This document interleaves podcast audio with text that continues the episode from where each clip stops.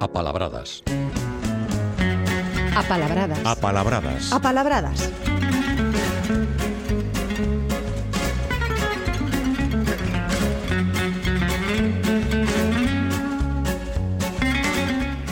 Nunca, nunca falta a cita neste Galicia por diante fin de semana. Paulino Novo, moi bons días. Que tal, bos días. Que ver xa co outono.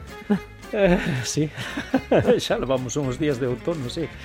Por certo, estaba, estaba pensando, eh, estaba tratando de votar a conta, cousa difícil, prácticamente imposible, das palabras que levaremos comentado nesta colaboración. Pues, tampouco, Son tantas que as tes na nube. Tampouco levo a conta, pero sí que debemos levar, levamos levar unhas cantas, sí. Pois pues imos poñerlle algunha, bonitas, algunha máis. máis interesantes, haberá de todo.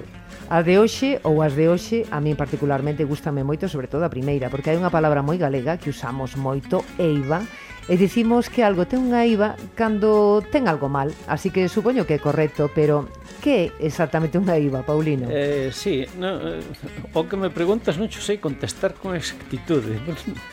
sí que ten ese significado que diste, é un significado que supoñemos que é figurado, e efectivamente usase moito. Ademais, eu creo que entendémola todo, non? Algo, ten unha IVA, non? Está incompleto, falta algo, ten algo ten algo mal, ten unha mancha, ten unha mácula. Eu creo que é moi gráfica, verdad? Pero non vas precisar o comodín da audiencia, non? Para explicalo. Eh, non, non. non. Pero é unha palabra que non, non lle sabemos moi ben. Non, a, a orixe da palabra é controvertida. Hai distintas teorías, pero ningunha chega a convencer de todo. Eh, cal é o primeiro significado tampouco sabemos exactamente. Imos dar unha voltiña así rápida. Eh? É a palabra do galego e do portugués. En portugués, a eiva é un defecto físico ou un defecto moral. E despois de eiva, hai eivado, tanto en portugués como en galego. Entón, eivado é en portugués o que ten un defecto físico ou tamén o que ten o persoa que ten un defecto moral. Pero bueno, úsase sobre todo eivado para a persoa que ten algunha deformidade ou algunha enfermidade grave na algún membro do corpo, non? Como digo en portugués, defecto físico ou moral, pero en galego eiva son poucos as acepcións que ten, pero repásoas. E repásoas por orde de como aparece na lexicografía. A primeira a primeira acepción que, con que aparece é de malicia ou culpa, que bueno, aí hai algo de falta tamén, non? O famoso e despois, dolo, non? Sí, e despois xa aparece a falta dun membro ou o que a persoa que ten un membro enfermo, non? E despois aí, bueno, aí xa está o, o eivado que aparece xa en todos os dicionarios e aparece na literatura desde López Ferreiro hasta Castelao, Encarré, Iglesias Alvariño, Lugrís, aparece xa o eivado, esa a persoa que ten algún problema físico.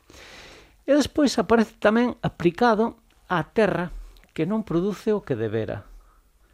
A terra eivada, a que non produce o que debera.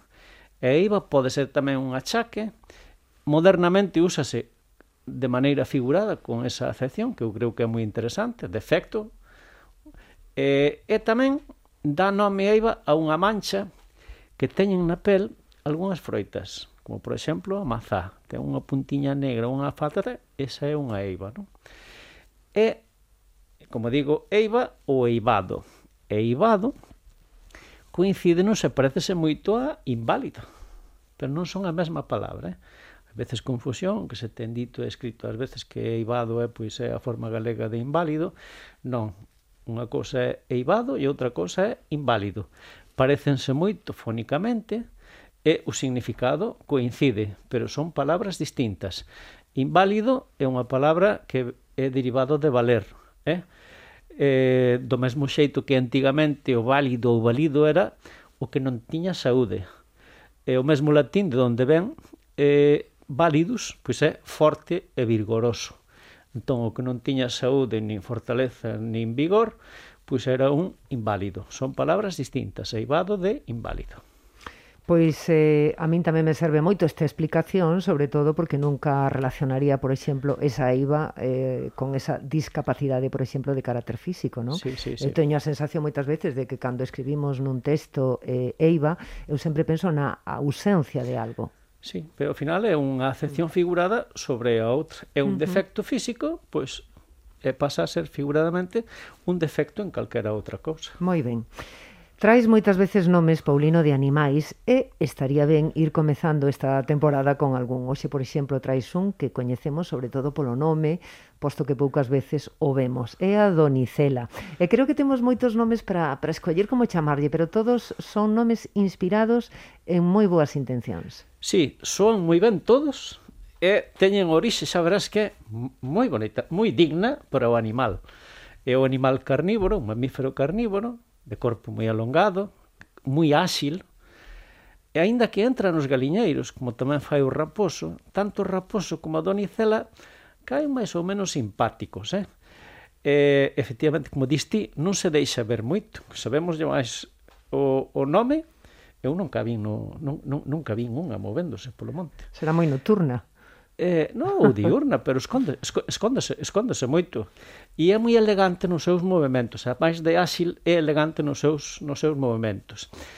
Eh, esas características fai que se aplique ás veces tamén figuradamente ás persoas ou se compare para as persoas que cometen pequenos roubos, porque la anda roubando cousiñas, para unha persoa delgada de boa figura, para unha persoa que se move con lixeireza, para unha persoa de ollos pequenos ou para unha persoa moi, moi lista, collendo as características que definen un, e caracterizan un pouquiño este, a este mamífero. Vou dicir varias variantes e seguramente queden, queden sen dicir moitas, pero bueno, ademais de Donicela, chámaselle, sabrás que nomes bonitos todos. A ver, a ver. A de Lonciña, de Nosiña, doniña, donosiña, de nicela. Eh? Palabras todas bonitas. En portugués é doniña tamén, e en asturiano é doniciella ou dolonciella. Pero en galego ten ademais outras, outros tres nomes moi bonitos, literarios. Dona das paredes, eh? por como as salta, como salta as paredes. Garridiña, que recorda un pouquiño, inspírase na súa elegancia nos movimentos. E Iglesia Albariño chamalle tamén Doncela. Eh? Mira que novos bonitos para este, para este animal. Eh, sí. Teñe unha sonoridade E ademais dicía antes que nos remiten eh, a un alto aboengo, porque o nome de onde veñen a procedencia destes nomes que acabamos de dicir é o latín donicela, que é diminutivo de domina, de señora señora ou ama. Eh? Entón, un diminutivo é, eh, como se chamamos, a señoriña. Eh? Pois palabras ben bonitas un, unha, tamén. Unha maneira cariñosa de chamarlle. Temos que ter en conta porque imos dicir agora como se di en castelán vai nos remitir tamén ao mesmo que este domina, señora ven de dominus, señor e veñen de domus, casa eh? que é importante porque a denominación que ten en castelán comadreja vai nos levar aí eh, Comadreja é derivado de comadre.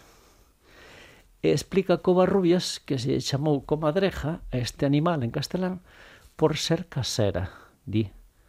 Por ser casera no sentido de que vai ao galiñeiro, entraba moito os pombais, os ovos tamén, ou entra na casa a facer eses pequeniños non robos. Non é parva, eh? non é parva. Sí, como fai unha comadre que ten moita confianza na casa, nunha casa e entra tamén con confianza a esa casa. Pois a comadreja en castelán, pois con esa confianza inspirado en como fai a, en como fai a comadre. De todas maneiras, en castelán, antes de comadreja, chamouselle de outra maneira, mosteliella.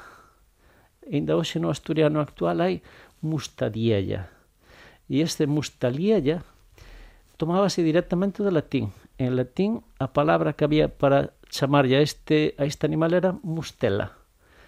E mustela era unha palabra derivada de mus, rato, que é unha palabra que temos comentado aquí xa en varias ocasións porque nos dá moita xogo e hai moitas moita descendencia desta palabra. Antes de que tiveramos a palabra rato, había esa palabra latina mus. Pois dese mus, rato, viña ese latín mustela e viña despois ese castelán antigo musteliella. Que tamén é unha cousa así moi saborosa que se estende no pan para a merenda.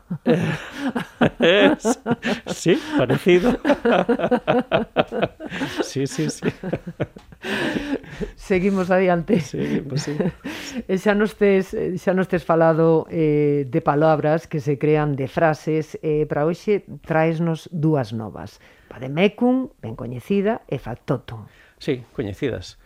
Palabras que proceden de frases. Vademecum. Vademecum é un libro ou un tratado, é un manual que contén nocións básicas sobre unha materia ou, ou os puntos máis relevantes desa materia. E ven do latín, da frase latina Vade mecum. Anda ou vai comigo, o que sempre me acompaña, eh? como un manual que necesitamos porque nel recolle todo o que hai que saber. E outra, factotum, a persoa que o fai todo, que fai todo o que hai que facer, ou a que se presta a facer todo. Tamén, con certa ironía, pode ser para unha persoa entrometida que se anda ofrecendo tamén para facer todo. E ven da frase latina, fac, reducción de facere, facer, Fac totum, totum todo, fai todo, eh? facer todo. E tamén intentamos non rematar nunca esta sección sen achegar unha palabra pouco usada e coñecida. Gustanos recuperar esa, esa riqueza que ás veces se foi perdendo. Así que hoxe unha que lle podemos dar uso, se nos apetece. Abicadar. Abicadar. Nalgún Mira sitios, que bonita. Nalgúns sitios den en bicadar. Abicadar é alimentar os paxaros os seus pitos e é alimentar unha persoa, un neno ou un enfermo que non se valen por si sí mesmos. Abicadar, derivado de bico, metesio no bico. E tamén ten unha acepción para os cabaleiros que montan a cabalo, é meter o pé no estribo ata o talón. Sería distinto de abicar, que tamén deriva de bico, que tocar coa punta, meter Acórdate tamén que a punta do calzado é a biqueira, tamén derivada de bico. Entón, meter eh, abicar sería meter só a biqueira do zapato e abicadar é meter ata o talón. Esas xa son curiosidades, antollos do, das acepcións. Pero abicadar, dar de comer a un neno ou un enfermo que non se valen mm. por si sí mesmos. E facendo ademais un bo labor. Pois, non? Sí, sí, sí claro. pois, eh, a ver, Paulino, se abicadamos moito tamén este outono. Paulino Novo, como sempre, un placer, ni unha soa eiva, eh? Eh, esta eh... colaboración que nos trouxeches tamén hoxe? Ninguna? Eh, non sei, a, algo sempre se coa, algo sempre se coa. Un placer, grazas e que teñas gracias un magnífico sábado. E igualmente para ti e para os que nos escoitan.